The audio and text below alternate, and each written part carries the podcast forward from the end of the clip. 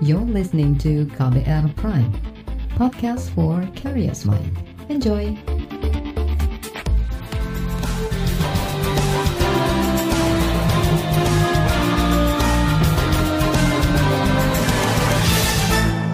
Halo selamat sore saudara, apa kabar Anda sore hari ini? Kembali saya Reski Mesanto hadir di KBR Sore hari ini tanggal 7 Oktober 2022. Saudara Indonesia mulai memasuki musim hujan pada bulan ini hingga Januari tahun depan. Itu sebab sejumlah daerah diimbau waspada, terutama terhadap potensi bencana hidrometeorologi. Bencana hidrometeorologi ialah bencana biasanya terjadi karena perubahan iklim dan cuaca ekstrim. Himbauan itu beralasan pasalnya saat ini bencana hidrometeorologi sudah mulai terjadi di berbagai daerah – semisal di Aceh, Bali, Jawa Barat, Kalimantan, dan DKI Jakarta. Lantas bagaimana mitigasi bencana baik oleh pemerintah pusat, daerah maupun masyarakat? Kita bahas selengkapnya di KBR sore.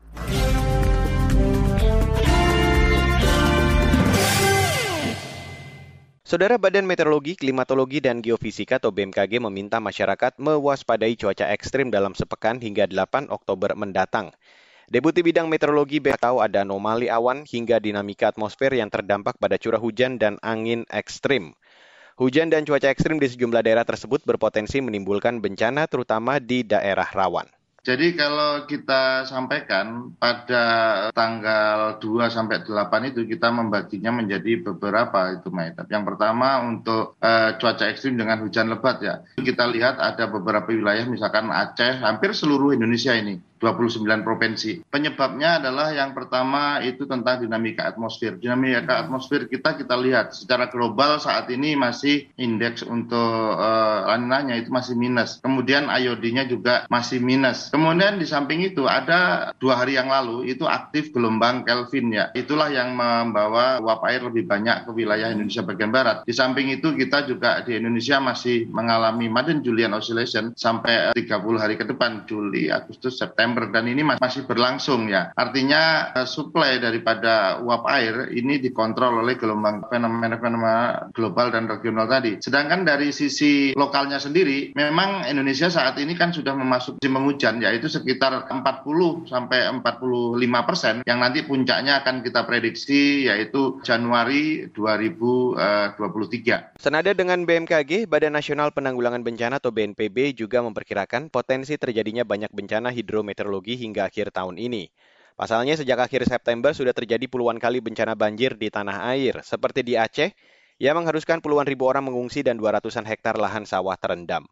Juru bicara BNPB Abdul Muhari menyebut sejumlah faktornya penyebab ialah anomali cuaca lantaran pengaruh lanina. Kejadian bencana yang terjadi di Indonesia cukup bervariasi, tidak hanya kejadian bencana uh, hidrometeorologi seperti yang kita alami di minggu sebelumnya. Jadi kalau misalkan kita lihat di sini dalam kurun waktu 26 September sampai 2 Oktober itu terjadi 32 kali kejadian bencana di mana 30 kejadiannya atau 94% masih hidrometeorologi dan dua kejadian bencana merupakan bencana geologi. Tetapi uh, hidrometeorologinya pun sekarang tidak hanya hujan, kita lihat di situ kebakaran hutan dan lahan mulai agak sedikit naik lagi ada banjir 10 kali cuaca ekstrim 10 kali, tapi karhutla juga ada 8 kali. Jadi agak imbang meskipun seharusnya kita uh, sudah masuk awal musim hujan. Tapi karena memang seharusnya uh, kalau secara periode monsun secara normal, ini kita masih pada periode peralihan. Tetapi karena ada pengaruh dari uh, fenomena regional, La Nina dan IOD, Indian Ocean Dipole di Samudra Hindia, kita masih relatif basah, masih berpengaruh. Jadi sebenarnya kalau kita lihat normalnya, klim kita itu itu musim hujan itu dimulai dari Desember. Desember, Januari, Februari itu kita musim hujan. Maret, April, Mei itu kita peralihan dari hujan ke kemarau. Jadi frekuensi kejadian hujan masih tinggi, artinya kita masih uh, waspada banjir. Juru bicara BNPB Abdul Muhari mengatakan untuk meminimalkan jatuhnya korban dalam bencana hidrometeorologi, ia meminta masyarakat lebih peka terhadap keadaan sekitar dan terus memantau prediksi cuaca yang disiarkan BMKG. Kalau terjadi hujan dengan intensitas tinggi, lalu masyarakat nanya, Pak intensitas tinggi itu bagaimana? Intensitas tinggi itu kalau hujan deras, lihat keluar rumah, hmm. kalau siang, misalkan tahu rumah tetangga saya si A itu 50 meter hmm. di rumah saya, tapi nggak bisa nih lihat rumah si A, itu intensitasnya tinggi. Kalau malam gimana? Center. Kalau di center si rumah si A yang 50 meter ini nggak kelihatan, itu intensitasnya tinggi. Hmm. Kalau hujan intensitas tinggi ini terjadi lebih dari satu jam, mm-hmm. kita yang tinggal di sepanjang aliran sungai, kita yang tinggal di dekat tebing-tebing cukup curam, mm-hmm. evakuasi aja dulu, evakuasi mandiri. Nggak usah nunggu pemerintah, nggak ada Pak RT nggak nyuruh mm-hmm. evakuasi. Begitu hu- hujan berhenti, mm-hmm. jangan langsung pulang, jangan langsung balik ke rumah. Mm-hmm tunggu satu dua jam, belum tentu di hilir hujan berhenti, di hulu juga berhenti. Sampai dulu si air yang di hulu ini kita lihat tidak ada penambahan debit air yang signifikan, baru kita kembali ke rumah. Hmm. Ini mungkin yang kesiapsiagaan yang berbasis komunitas, berbasis individu mm-hmm. yang semua masyarakat bisa lakukan. Kita tentu saja harus mengupdate informasi cuaca, tentu saja kita harus membiasakan diri mm-hmm. melihat informasi cuaca. Mm-hmm. Karena hal-hal seperti ini harus kita biasakan dan biasakan melihat kondisi-kondisi lingkungan dan biasakan juga punya inisiatif untuk evakuasi mandiri. Perkenalkan kepada anggota keluarga kita. Mm-hmm. Biasakan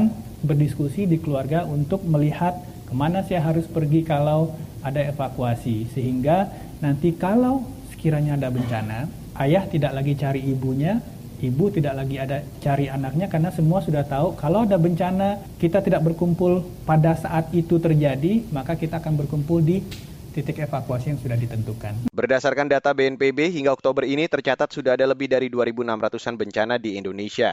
Bencana itu mengakibatkan 159 orang meninggal, ratusan orang luka-luka dan lebih dari 3 juta orang menderita dan mengungsi. Dari kategori bencana terbanyak ialah banjir dengan jumlah seribu lebih, kemudian tanah longsor dan cuaca ekstrim. Baiklah kita break sejenak, setelah break akan saya hadirkan laporan khas KBR tentang musibah di MTSN 19 Jakarta dan pentingnya mitigasi bencana di sekolah. You're listening to KBR Pride, podcast for curious mind. Enjoy!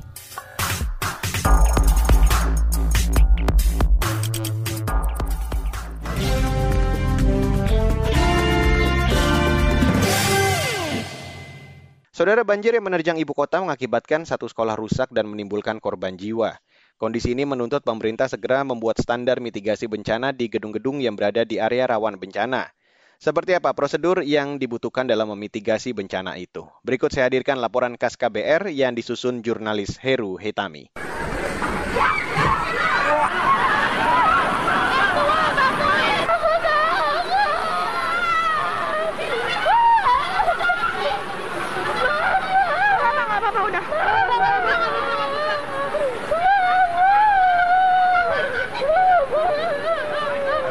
Para siswa panik saat tembok pembatas bangunan Madrasah Sanawiyah Negeri MTSN 19 Jakarta jebol diterjang banjir. Insiden ini menewaskan tiga orang siswa dan satu siswa luka. Kepala Badan Penanggulangan Bencana Daerah BPBD DKI Jakarta Isnawa Aji mengatakan pada saat kejadian anak-anak tengah bermain di lingkungan sekolah laporan dari pihak sekolah, pada saat itu memang sudah turun hujan. Anak-anak itu sedang bermain-main di panggung ya, panggung itu terbuat dari semen itu. Uh, mereka bermain uh, air ya, namun tiba-tiba karena posisi MTS ini kan di cekungan yang lebih rendah daripada kontur jalan yang ada di depan maupun yang di belakang. Pada saat terjadi hujan lebat, gorong-gorong terisi debit air sangat besar dengan dan tinggi, otomatis yang namanya air itu kan mencari tempat yang rendah ya. Akibatnya air itu turun ke bawah, mendorong tembok yang ada di belakang sekolah sehingga menimpa anak-anak. Isnawa mengatakan banjir yang menerjang sekolah di kawasan Pondok Labu, Cilandak, Jakarta Selatan sudah ditangani. Namun dia mengingatkan para pemilik dan pengelola gedung yang berada di daerah rawan bencana segera melakukan pemeriksaan bangunan secara berkala. Sebetulnya BPBD sudah bertonton yang lalu kami mengadakan program yang namanya Sekolah Madrasah Aman Bencana. Sudah ada 243 sekolah yang kita edukasi. Jadi anak-anak dilatih bagaimana banjir, menghadapi gempa, ada kebakaran, ada pertolongan pertama pada kecelakaan gitu kan. Jadi sebenarnya kita sudah berjalan. Dan ini nanti akan diperkuat dengan program-program yang sama ke semua sekolah. Tetapi kita mengingatkan kepada tidak hanya pihak sekolah, pemilik gedung siapa pun yang berada di daerah-daerah rawan longsor, rawan banjir, ada di bantaran kali sungai agar bisa secara berkala mengecek kondisi kekuatan bangunan lingkungan maupun infrastrukturnya. Jangan sampai ada kondisi-kondisi yang sudah mungkin sudah tua, kondisinya sudah tidak kuat lagi, ya tentunya akan berdampak apabila terjadi banjir ataupun tanah longsor. Menanggapi musibah itu, Menteri Koordinator Bidang Pembangunan Manusia dan Kebudayaan, Menko PMK Muhajir Effendi mengatakan sebetulnya sudah ada mekanisme pemeriksaan berkala bangunan. Sebetulnya pengecekan itu kan sudah ada mekanismenya. Setiap kementerian kan ada inspektorat dan juga di setiap kementerian termasuk Kementerian Agama juga sudah ada Direktorat Sarana Prasarana ya Pak Dirjen. Ya, sebetulnya sudah rutin itu sehingga kita belum ada pikiran untuk melakukan pemeriksaan lebih menyeluruh. Ini kita nilai sebagai insiden aja, insiden yang memang tak terelakkan akibat banjir yang meluap, kemudian menekan tembok dan temboknya menekan backdrop yang terbuat dari beton juga. Soal berikutnya nanti akan kita lihat lebih jauh lah pasti dari Kementerian Agama karena ini langsung di bawah Kementerian Agama akan menurunkan juga Irjen ya, ya Pak Dirjen ya nanti untuk menginvestigasi untuk menelisik sehingga kita lihatlah kasusnya seperti apa. Muhajir memastikan pemerintah akan memperbaiki bangunan sekolah MTSN 19 Pondok Labu Jakarta yang sudah berusia 25 tahun. Dia juga meminta pemerintah DKI memperluas bangunan sekolah. Selain itu, Kementerian Pekerjaan Umum dan Perumahan Rakyat diminta memitigasi bencana sebab sekolah berada di daerah rawan banjir. Komisi Perlindungan Anak Indonesia KPAI menilai bencana yang terjadi pada jam belajar atau saat aktivitas sekolah menimbulkan kerentanan bagi anak didik maupun guru sehingga berpotensi menimbulkan korban. Komisioner KPAI bidang pendidikan Retno Listiarti menganggap penting ada standar operasional prosedur SOP penanganan di lingkungan pendidikan. Kelemahannya adalah memang banyak sekolah itu tidak memiliki SOP dalam penanganan ketika bencana. Jadi kan misalnya ini namanya sekolah aman gitu ya. Harusnya kok di Jepang misalnya yang kerap gempa, mereka mempersiapkan betul pendidikan anti, pendidikan kebencanaan mereka dengan cara-cara dipraktekkan. Misalnya disimulasi ya secara rutin gitu sehingga anak-anak guru tuh ngerti gitu dan nggak lupa jadi ketika peristiwa terjadi mereka tahu apa yang akan dilakukan. Nah di Indonesia ini nampaknya pernah dilakukan tapi tidak menjadi sebuah budaya ya. Retno mendorong Dinas Pemberdayaan Perempuan dan Perlindungan Anak Provinsi DKI Jakarta membantu asesmen psikologi pada korban selamat dan siswa yang menyaksikan kawan-kawannya meninggal karena tertimpa tembok yang roboh. Menurutnya, Penting juga diberikan psikososial kepada pendidik dan peserta didik akibat musibah ini. Laporan ini disusun Heru Haitami. Saya Fitri Anggreni. Saudara, memasuki musim penghujan, pemerintah daerah mulai bersiap meningkatkan kewaspadaan bencana, khususnya di daerah-daerah rawan. Apa saja upaya yang dilakukan? Selengkapnya sesaat lagi. You're listening to KBR Pride, podcast for curious mind. Enjoy!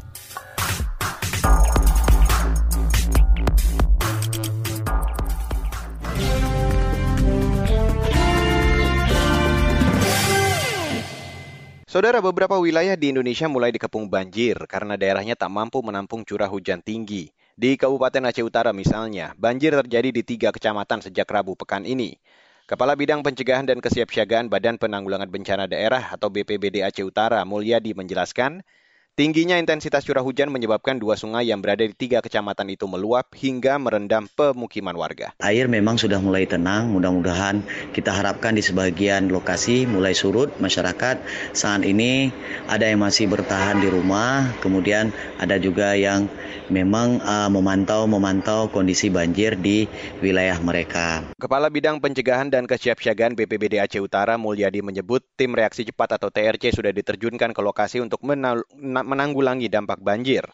Tetapi bencana banjir di Aceh Utara berkembang hingga pada pagi hari kemarin banjir mengepung total 27 kecamatan. BPBD bersama Search and Rescue atau SAR dibantu aparat TNI Polri mengklaim terus berjaga ekstra mengevakuasi korban dengan menggunakan rubber boat atau perahu sampan. Banjir yang terjadi di Aceh Utara ini juga berdampak pada adanya pengungsian penduduk, kemudian adanya longsor tanggul atau tebing sungai, terendam rumah masyarakat, pertanian, perkebunan, fasilitas umum, kemudian terhambatnya jalur transportasi. Bukannya surut pada siang kemarin, banjir di Provinsi Aceh justru semakin meluas. Banjir tersebut selanjutnya mengepung beberapa wilayah Aceh Timur dan Aceh Tamiang. Kepala Pelaksana Badan Penanggulangan Bencana Aceh atau BPBA Ilyas mengatakan sudah menginstruksikan BPBD di setiap kabupaten kota yang terkena dampak untuk melakukan evakuasi terhadap korban yang masih terjebak di lokasi banjir. Untuk untuk upaya penanganan banjir khususnya di Aceh yang memang ini banjir ini kan BMKG memang sudah prediksi ya uh, curah hujan tinggi kita akan berkoordinasi dengan kabupaten kota, memastikan keselamatan warga dan pelayanan dasar bagi mereka yang mengungsi. Selain memperhatikan permasalahan keselamatan warga, Kepala Pelaksana Badan Penanggulangan Bencana Aceh atau BPBA Ilyas juga meminta agar setiap daerah menjamin kebutuhan pengungsi. Sebelumnya, empat kabupaten kota Aceh Utara telah mengeluarkan status darurat bencana alam banjir selama 14 hari ke depan.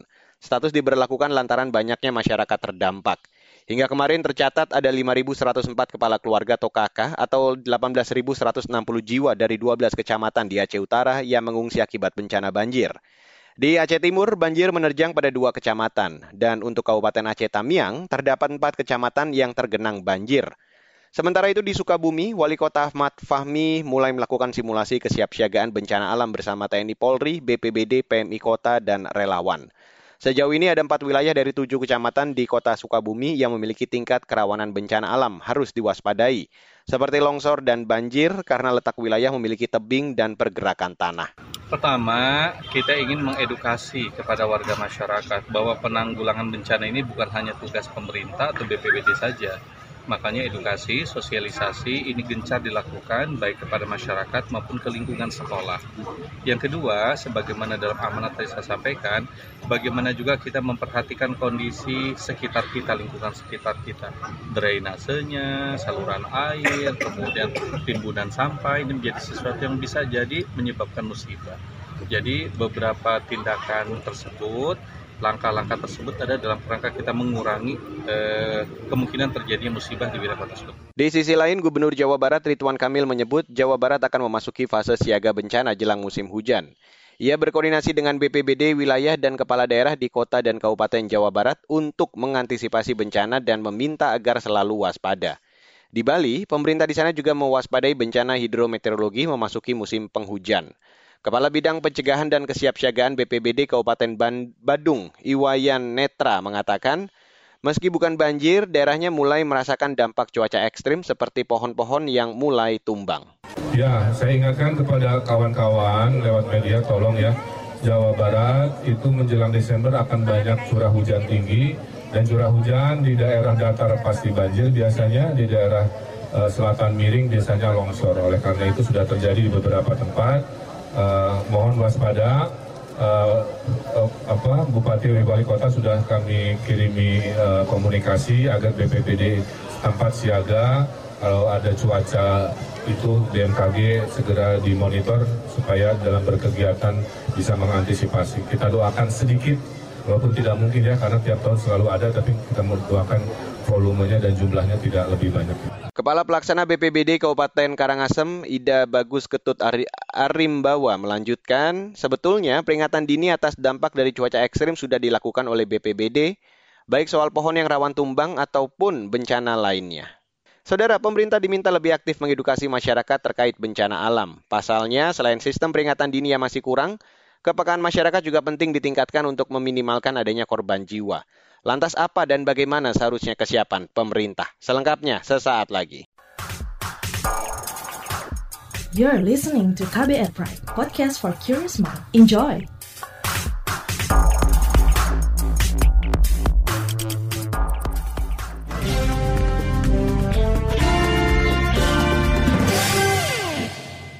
Saudara, Masyarakat Penanggulangan Bencana Indonesia atau MPBI menilai mitigasi bencana alam di Indonesia masih belum efektif termasuk mengenai penerapan rantai informasi peringatan dini bencana alam. Ketua Umum MPBI Avianto Amri mengatakan mitigasi itu harus dilaksanakan dengan maksimal mengingat potensi intensitas bencana alam yang lebih tinggi ke depan. Lalu apa masukan MPBI? Berikut saya hadirkan perbincangan reporter KBR Mutia Kusuma Wardani bersama Ketua Umum MPBI Avianto Amri.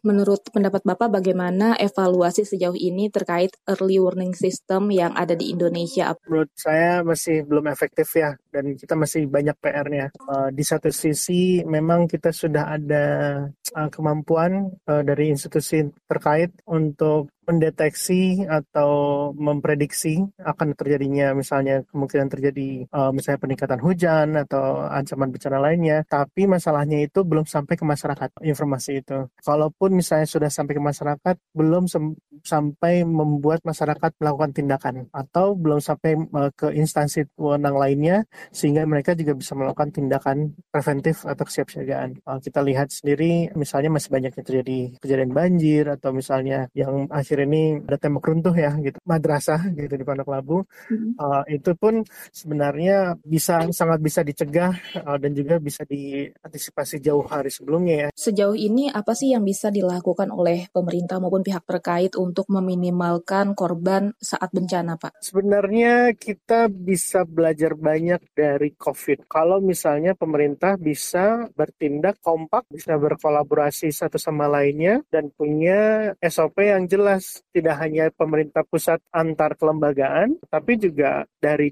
tingkat pusat hingga ke daerah hingga level ke komunitas. Kita kalau ingat misalnya adanya peningkatan kasus. Nah, itu sudah bergerak tuh semua unsur hingga sampai kelurahnya, camatnya, ada satgasnya sendiri, hingga wah misalnya ada PPKM gitu di situ. Kenapa kita tidak bisa melakukan hal yang sama untuk ancaman-ancaman alam, hujan, pergerakan tanah, atau bahkan kayak gempa, tsunami dan seterusnya ya gitu. Kemudian kalau misalnya kita bicara soal mitigasi bencana, titik lemahnya masih di mana aja sih Pak? Pertama, eh, akses informasi dan pengetahuan. Masyarakat kita sebenarnya sebenarnya tingkat kesadarannya itu sudah tahu bahwa wilayah sekitar kita itu eh, memiliki resiko ancaman bencana. Tapi kita mengetahui apa yang harus kita lakukan sebelum saat dan sesudah terjadi bencana. Eh, apakah kita tahu ke mana arah evakuasi? Apakah kita tahu siapa nomor telepon penting uh, satgas atau orang petugas terdekat gitu. Yang kedua itu bagaimana koordinasi itu bisa berjalan dengan efektif. Koordinasi itu kan gampang diomongin, tapi realisasinya itu nggak gampang gitu. Ada yang ada yang masih berjalan sendiri-sendiri. Seperti contohnya peringatan ini gitu. Uh, ada yang memberikan informasi tapi menganggap informasi itu oleh instansi lain akan diteruskan, tapi nyatanya tidak. Sehingga perlu ada uh, pemantauan ada perlu ada monitoring yang jelas untuk mengetahui di mana kita titik lemahnya. Komponen mana yang masih berjalan belum berjalan dengan efektif, mana yang belum serius menangani bencana. Sehingga kalau misalnya kita tidak ada kejujuran gitu dalam hal di mana yang lemah atau juga kalau kita nggak ada uh, penempatan ini sebagai prioritas, kita nggak akan gerak-gerak dan itu sangat disayangkan. Sedangkan uh, ancaman bencana sendiri kita menghadapi dalam lima tahun, 10 tahun ke depan itu akan semakin intens, semakin sering, dan susah diprediksi. Kalau misalnya bicara terkait potensi bencana sampai akhir tahun ini apa aja Pak yang uh, apa perlu diwaspadai? Uh, tentunya bencana hidrometeorologi itu sangat uh, sangat besar potensinya akan terjadi. Itu tandanya uh, banjir, banjir bandang, tanah longsor, angin puting beliung. Itu adalah beberapa ancaman yang sangat rentan dan semakin akan semakin meningkat. Ada yang menghadapi ancamannya itu berlipat ganda. Misalnya tiba-tiba ada peningkatan aktivitas gunung berapi dan kemudian hujan deras. Lalu kemudian ada letusan gunung berapi yang kemudian menyebabkan banjir lahar dingin gitu. Nah, hal-hal seperti ini yang uh, perlu diinformasikan kepada uh, masyarakat yang berada di kawasan-kawasan rawan bencana. Dan saudara informasi ini sekaligus menutup kabar sore untuk hari ini 7 Oktober 2022. Terima kasih untuk Anda yang sudah bergabung sore hari ini. Selamat kembali menjalankan aktivitas Anda. Saya Reski Mesanto undur diri. Salam.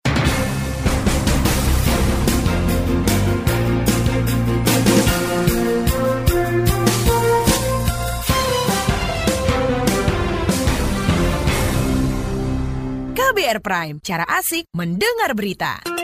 KBR Prime, podcast for curious mind.